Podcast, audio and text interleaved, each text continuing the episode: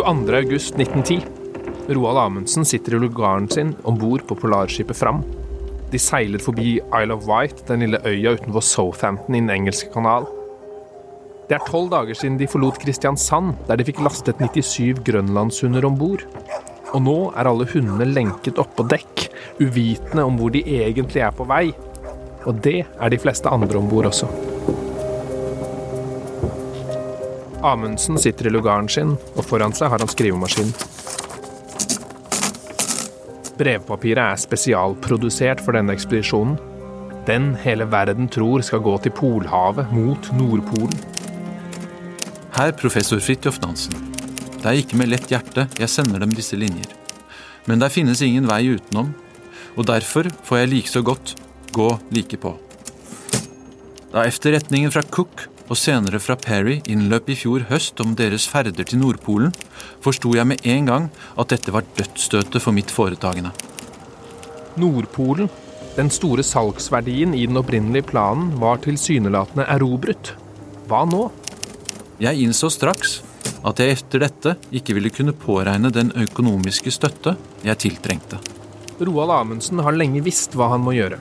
Spørsmålet ble da for meg hva jeg skulle gjøre for å skaffe de nødvendige midler. Amundsen har besluttet seg for å ta en liten omvei. Men det er bare et lite problem. Mannen han nå sitter og skriver til, selveste Fridtjof Nansen, har også samme plan. Ja, det faller meg tungt, herr professor, at meddele dem. Men siden september 1909 har min beslutning om å delta i konkurransen om dette spørsmåls løsning vært fattet. Mange ganger har jeg vært på vei til at betro det hele til dem men alltid vendt om, redd for at de skulle stoppe meg. Amundsen nærmer seg slutten på brevet. Han har beskrevet en ny plan til Sydpolen. Han skriver at grunnen er penger, at Polpunkt selger, og nå, som Nordpolen skal være nådd, er det bare ett igjen. Og så ber jeg dem om tilgivelse for hva jeg har gjort. Måtte mitt kommende arbeide hjelpe til at sone hva jeg har forbrutt. Med min ærbødigste hilsen Roald Amundsen. Roald Amundsen satset alt på å komme først til Sydpolen. Samtidig planla briten Robert Falcon Scott nøyaktig det samme. Begge nådde de målet, men bare den ene fikk oppleve berømmelsen og hyllesten.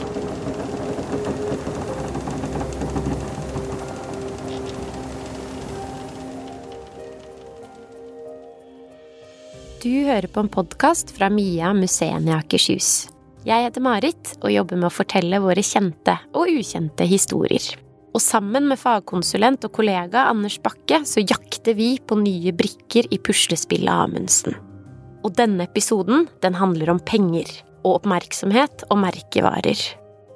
Vi skal prøve å forstå hvorfor Roald Amundsen solgte seg sjøl, slik at andre kunne selge sine produkter og hvorfor fikk han trynet sitt på ginflasker, appelsinkasser, klær og biler? Og hjemme hos Roald så har det også dukka opp en ny teori. En teori som får oss til å spørre hvem utnytta egentlig hvem?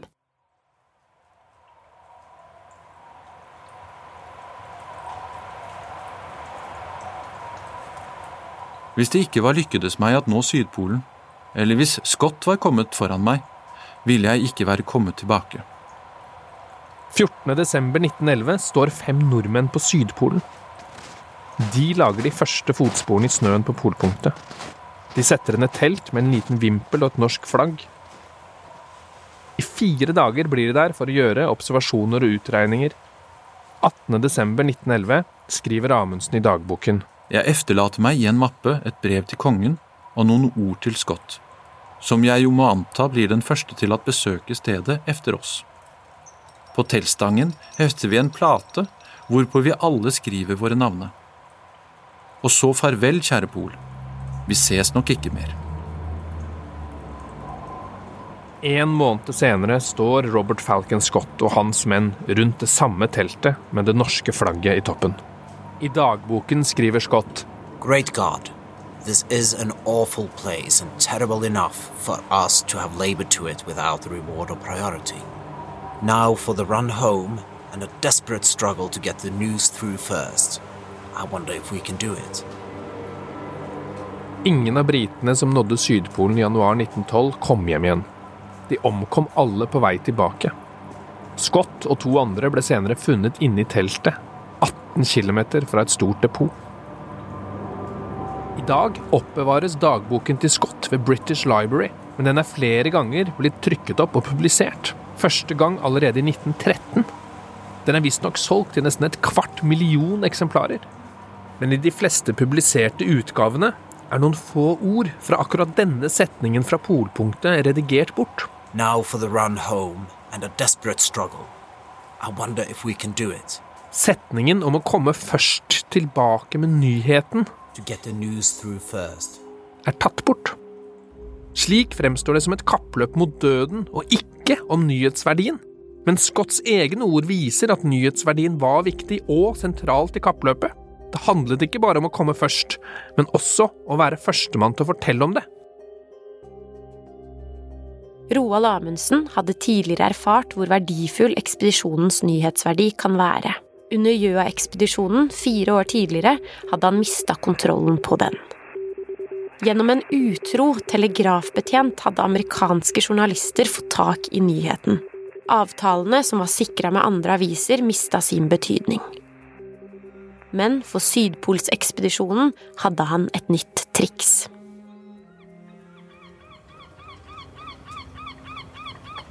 7. mars 1912 kaster polarskipet fram anker utenfor Hobart i Tasmania.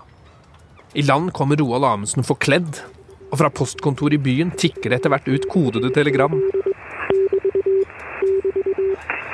På andre siden av jorda, i et tårnværelse på Lysaker utenfor Oslo, tar Fridtjof Nansen opp telefonen. Han har fått et uforståelig telegram, skrevet på et kodespråk som kun Roalds bror Leon kan tyde.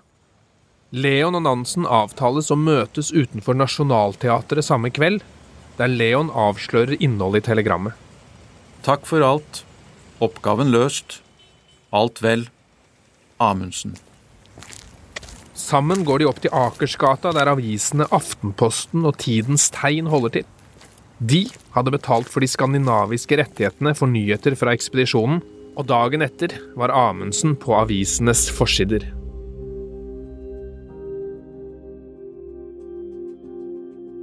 Polarekspedisjoner koster fortsatt mye penger i dag. Skal du på ekspedisjon og ikke har en egen pengesekk, ja, da må du ha et prosjekt som selger godt. Noe som frister sponsorer. For et helt år alene med planlegging. Etter å ha sagt opp deler av jobben og satt opp alle sparepenger på én drøm. Etter 49 dager alene på ski på verdens kaldeste, mest nådeløse og ubarmhjertige kontinent, så ble jeg i kveld, 14. januar, verdens yngste kvinne noensinne har gått alene på Sydpolen. Det! Er lyden av Hedvig Hjertaker idet hun blir historiens yngste kvinne som går aleine til Sydpolen. Vinteren 2022 er hun 28 år gammel og har stabla hele ekspedisjonen på beina sjøl ved siden av jobb og studier. Forberedelsene er like stor ekspedisjon som selve ekspedisjonen. Så um, for min del så startet det med å prøve å skjønne hvordan, hvordan gjør man dette. Jeg jobber til vanlig i offentlig helsevesen hvor man ikke trenger å selge noe som helst. For min del så jeg lyttet til de rundt meg som kan business, og så handlet det om å få kontakter. Og dette er jo en prosess som jeg en del av mail og tok masse ubehagelige telefoner. og jeg fikk eh, sjelden svar, og de gangene jeg fikk svar, så var det som oftest en eh, avslag eh, eller avvisning. Det er jo ubehagelige følelser å få som menneske. Og jeg føler at hele den prosessen straffesponsorer var ganske sånn personlig vondt. På den andre siden så følte jeg også at alle de avslagene gjorde at jeg bygget et sterkere eierskap til mitt prosjekt. Og så, long story short, så er det da fem måneder med iherdig arbeid med å skaffe sponsorer. Og erfaringen min var I likhet med Roald Amundsen skjønner Hedvig Hjertaker at et rekordforsøk til Sydpolen er økonomisk viktig for at ekspedisjonen i det hele tatt kan gjennomføres. Jeg tror at hvis det ikke hadde vært en, det tidsaspektet med at det skal da blitt den yngste og er stor rekord med bare ett år, så gjorde det på en måte at jeg tenkte at dette må jeg sette i gang til nå med en gang. jeg tror at vi mennesker som generelt vil utsette alt som er litt ubehagelig. Og det har jo vært en supervanskelig prosess for å komme seg til startstreken. Og at det er derfor kanskje lett å gi litt lettere opp og tenke at nei, men det kan jo bare ta det neste år og neste år og neste år, og så skjer livet så blir det kanskje aldri noe av. I motsetning til da Roald Amundsen dro til Sydpolen, så holdt Hedvig Hjertaker verden oppdatert underveis på turen. Jeg hadde jo, Det var helt i siste liten at jeg bestemte meg for å ha en sånn tracking, et sånt kart hvor man kunne følge meg underveis. I takt med at Hedvig nærmet seg Sydpolen, økte også oppmerksomheten rundt henne og ekspedisjonen. Det som skjedde når jeg begynte å, å logge inn disse eh, meldingene, både når jeg skrev og når jeg snakket inn i telefonlydmeldingene, så følte jeg og trodde helt oppriktig veldig mange uker at jeg snakket til pappa og søstrene mine og venninner. Og så var det litt ute på isen at jeg fikk en meldingsplikt inn, og så eh, det er jeg klar over at det sitter mennesker rundt i hele Norge og følger med på dette her, sant?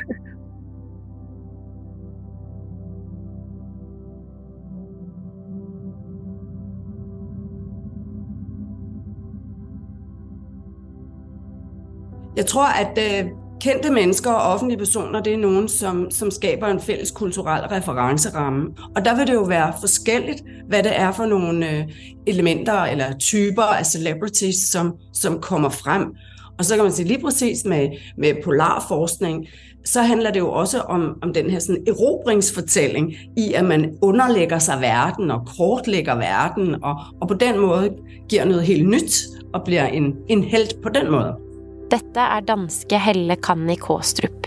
Hun forsker bl.a. på kjendiskultur ved Københavns universitet, og kan si mye om hvordan kjendiskultur, merkevarebygging og heltestatus har utvikla seg gjennom tidene. Hvis man ser det i et historisk perspektiv, og kikker litt lenger tilbake, helt til antikken, så er det sådan en som Alexander den Store. Han øh, var jo meget maktfull og, og født til liksom å overtage riget, og han ville jo gerne synliggøre sig selv, så der var bygningsværker og mønter med hans portræt på og statuer, men han medbragte jo også dokumentarister, vil vi kalde det i dag, som tog med ham øh, for at dokumentere og skrive hans historie. Fordi det, der var et af hans mål, var jo at opnå den ultimative celebrity, kan man sige, nemlig udødelighed, ligesom guderne. Og så hvis vi så skruer tiden igen øh, frem til, til 1910'erne og 1920'erne, så handler det om, at, at medierne har givet os nye muligheder, kan man sige. Det er jo en kommersiel kultur, en populær kultur. Der er magasiner, der er presse, aviser, der er fotografier, og der er begyndt at komme film også. Så det, mediekulturen spiller en rigtig væsentlig rolle, også på det her tidspunkt, til at, at give os, eller give publikum og læsere adgang til de her, vi så jo billeder, og var også tit efterhånden hjemme hos folk, Øh, det begynte man også å se. Men, øh, men det var både Jeg tror det er viktig å ha med at det både Helle forteller også at det å bli kjendis på Amundsens tid kunne være vanskeligere enn det ville vært i dag. Men balansen er det samme. Kjendisene må fortsatt være uoppnåelige og vanlige på samme tid. Hollywood-stjerner for eksempel, at de på den ene side så er det jo de her helt ekstraordinære, suksessfulle, rige, smukke mennesker, som kan utrolige ting øh, på film. Og, og samtidig så, så skal de også være ordinære, fordi vi skal også liksom kunne identifisere oss med dem. Vi skal også kunne forstå, at de er almindelige mennesker. De blir også skilt, eller de blir også syge, og, og det er også koldt, når det sneer osv. Så, videre. så de er, har noget almindelighed øh, i sig, og det skaber den der balance mellem det almindelige og så det, det ordinære, og så det ekstraordinære. Det giver den her autenticitet. Så i virkeligheden er det der med at have et element af almindelighed vigtigt for at være troværdig som celebrity. Roald Amundsen levde et ekstraordinært liv, men samtidig var han opptatt av de vanlige, hverdagslige tinga. Og han lot journalister komme på besøk hjem til ham på Svartskog. Med andre ord blei han en perfekt merkevare. I hans tid kunne du finne trynet og navnet hans på masse rart. Det ble laget smør, skosmøring og båtmaling og skrivemaskiner og vedovner og biler og livredningsdrakter og gin og kikkerter og filmer og sykler, sild, kakeformer, sjokolade, til og med appelsiner importert fra Valencia fikk Amundsens ansikt på seg for at det skulle selge bedre. Og dette var bare noen av tingene. I dag er det enda flere produkter. Men Amundsen blei ikke bare solgt. Han måtte også selge. I 1913 kom broren hans Leon opp med en idé for å få penger inn i kassa. For å finansiere den planlagte ekspedisjonen over Polhavet ble det produsert en serie med postkort. Kortene skulle selges, deretter bringes med på selve ekspedisjonen, stemples om bord og postlegges når ekspedisjonen kom hjem. Altså et postkort som ikke egnet seg for akutte beskjeder, men for samlere. De første korta kom på markedet i 1913. Salget gikk bra, skal vi tro avisene, men likevel stoppa ekspedisjonen før den egentlig kom av gårde. Det kom både en verdenskrig og andre skjær i sjøen. Fem år seinere, i 1918, ble det forsøkt igjen. Denne gang med et nytt polarskip oppkalt etter dronning Maud. Men Maud-ekspedisjonen ble langvarig. De klarte aldri å drive over Polhavet. Åra gikk, og pengene rant ut. Og postkortene, som skulle være med på ferden, ble liggende om bord. Ikke før i 1926, altså 13 år etter at de første postkortene ble solgt, ble ekspedisjonen avslutta. Og ifølge avisene kom hele 70 000 postkort tilbake i Norge på én gang. For postvesenet ble det kaos.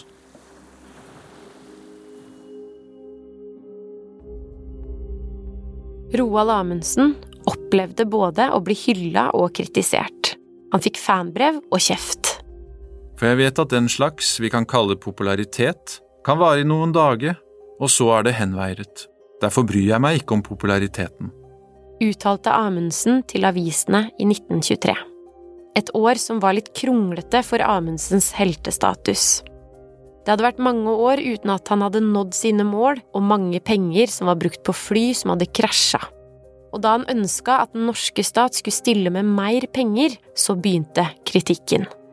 Den norske forfatteren Arnulf Øverland var en av dem.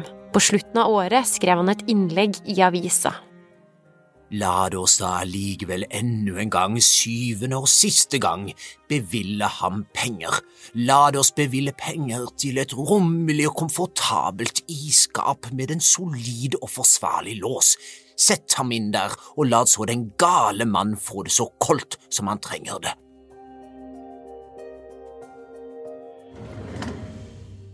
Men i arkivet etter Amundsen ligger også bunker med fanbrev. Det er fra jenter og gutter og kvinner og menn fra Norge og resten av verden. En liten gutt i Porsgrunn skriver til Amundsen at nest etter Jesus er du den største mann jeg vet om. Og det er flere brev fra kvinner som har strikket både votter og skjerf. Da jeg i avisen i går så at de oppholdt dem i Stavanger, håpet jeg at få sendt til dem et skjerf jeg har strikket. Velkommen hjem. Jeg kan ei finne ord som tyde kan, den følelse som i mitt hjerte bor. Du staute, Roald. Jeg et ønske har, det skal oppfylles når på neste ferd du drar. Jeg er jo liten, men jeg sikkert spår. Du planter Norges flagg på Polen neste år. Hilsen fra Sigrid Haugård, Lillesand 13 15 år. Det finnes også fanbrev fra andre. Til og med innsatte på botsfengselet skrev dikt til ham. Og Amundsen svarte, og holdt til og med foredrag i fengselet etterpå. Ingen brev før jeg dro, for da var jeg nobody. Dette er Hedvig Hjertaker, polfareren som blei historisk når hun nådde Sydpolen vinteren 2023. Nei, Etterpå så har jeg fått noen tilsendt digitalt. Det er jo kanskje den verden vi lever i nå. Men da jeg fikk eh, brev i posten fra en tredjeklasse her i Bergen, så trilles barna. altså det var helt fantastisk utrolig hyggelig. Og de skriver til meg, disse barna, at eh, jeg er modig, og at de hadde aldri klart å gå så langt på ski. og kan du være så snill komme på besøk på skolen vår, for jeg har så mange spørsmål til deg. Og Det er klart at jeg skal det, og jeg brenner veldig for den generasjonen som kommer. Veldig viktig for meg å være et forbilde for dem. Ikke nødvendigvis at alle må dra til en form for pol eller lang tur, men, men et, et, bilde på at man kan få til det man setter seg som, som mål.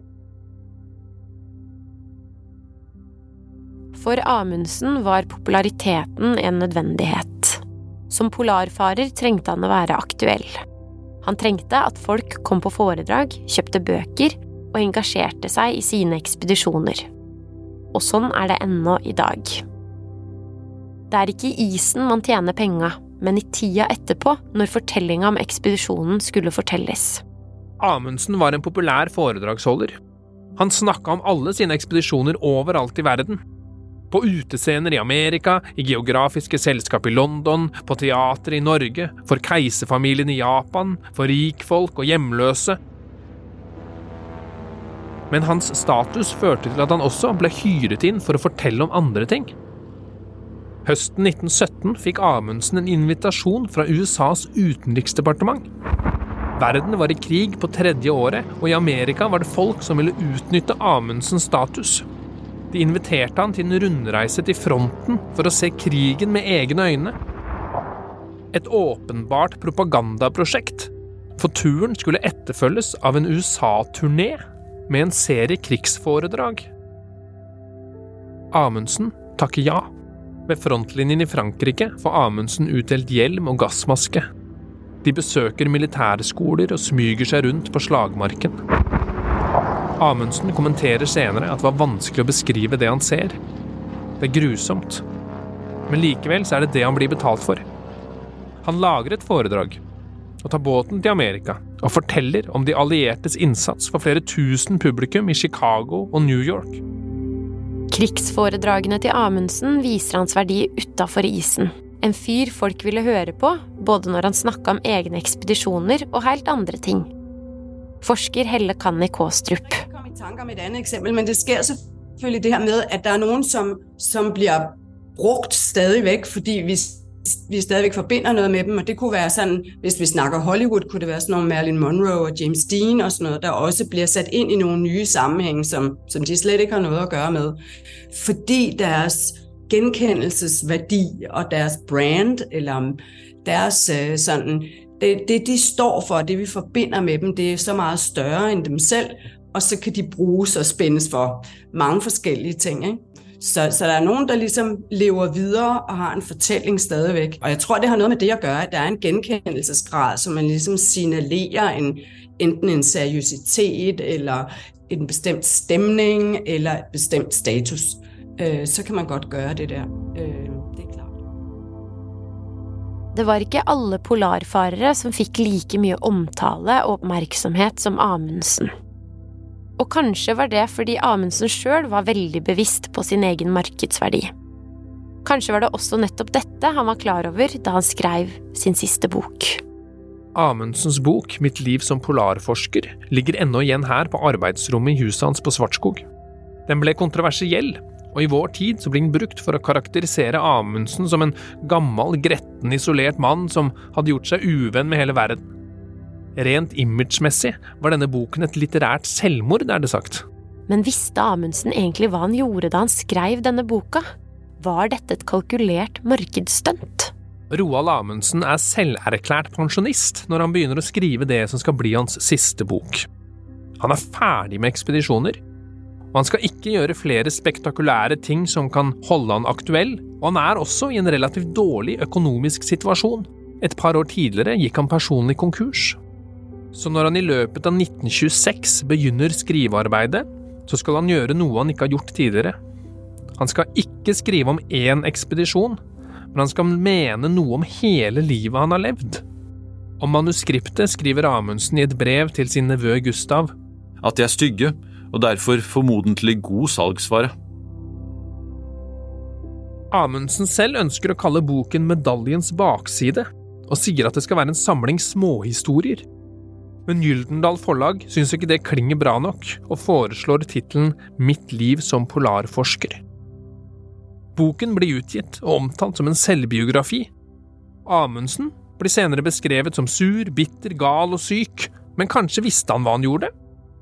Ikke vet jeg, men han visste i hvert fall at det han skreiv kunne selge godt, noe som passet bra for en polarpensjonist som trengte penger. Merkevaren Amundsen er en viktig brikke i puslespillet. For det sier noe om hvordan han sjøl forma sin fortelling. Hvordan han sjøl ønska at puslespillet Amundsen skulle se ut.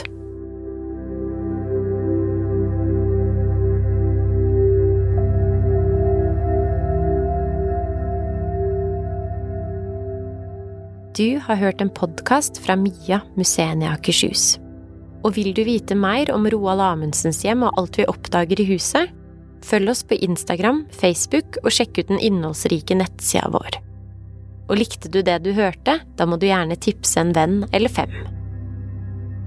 I denne episoden har Anders Bakke og Marit Gjermundrød gjort research, intervjuer, klipp og lyd. Og sammen med kollega Alexander Breiby Herseth har vi skrevet manus.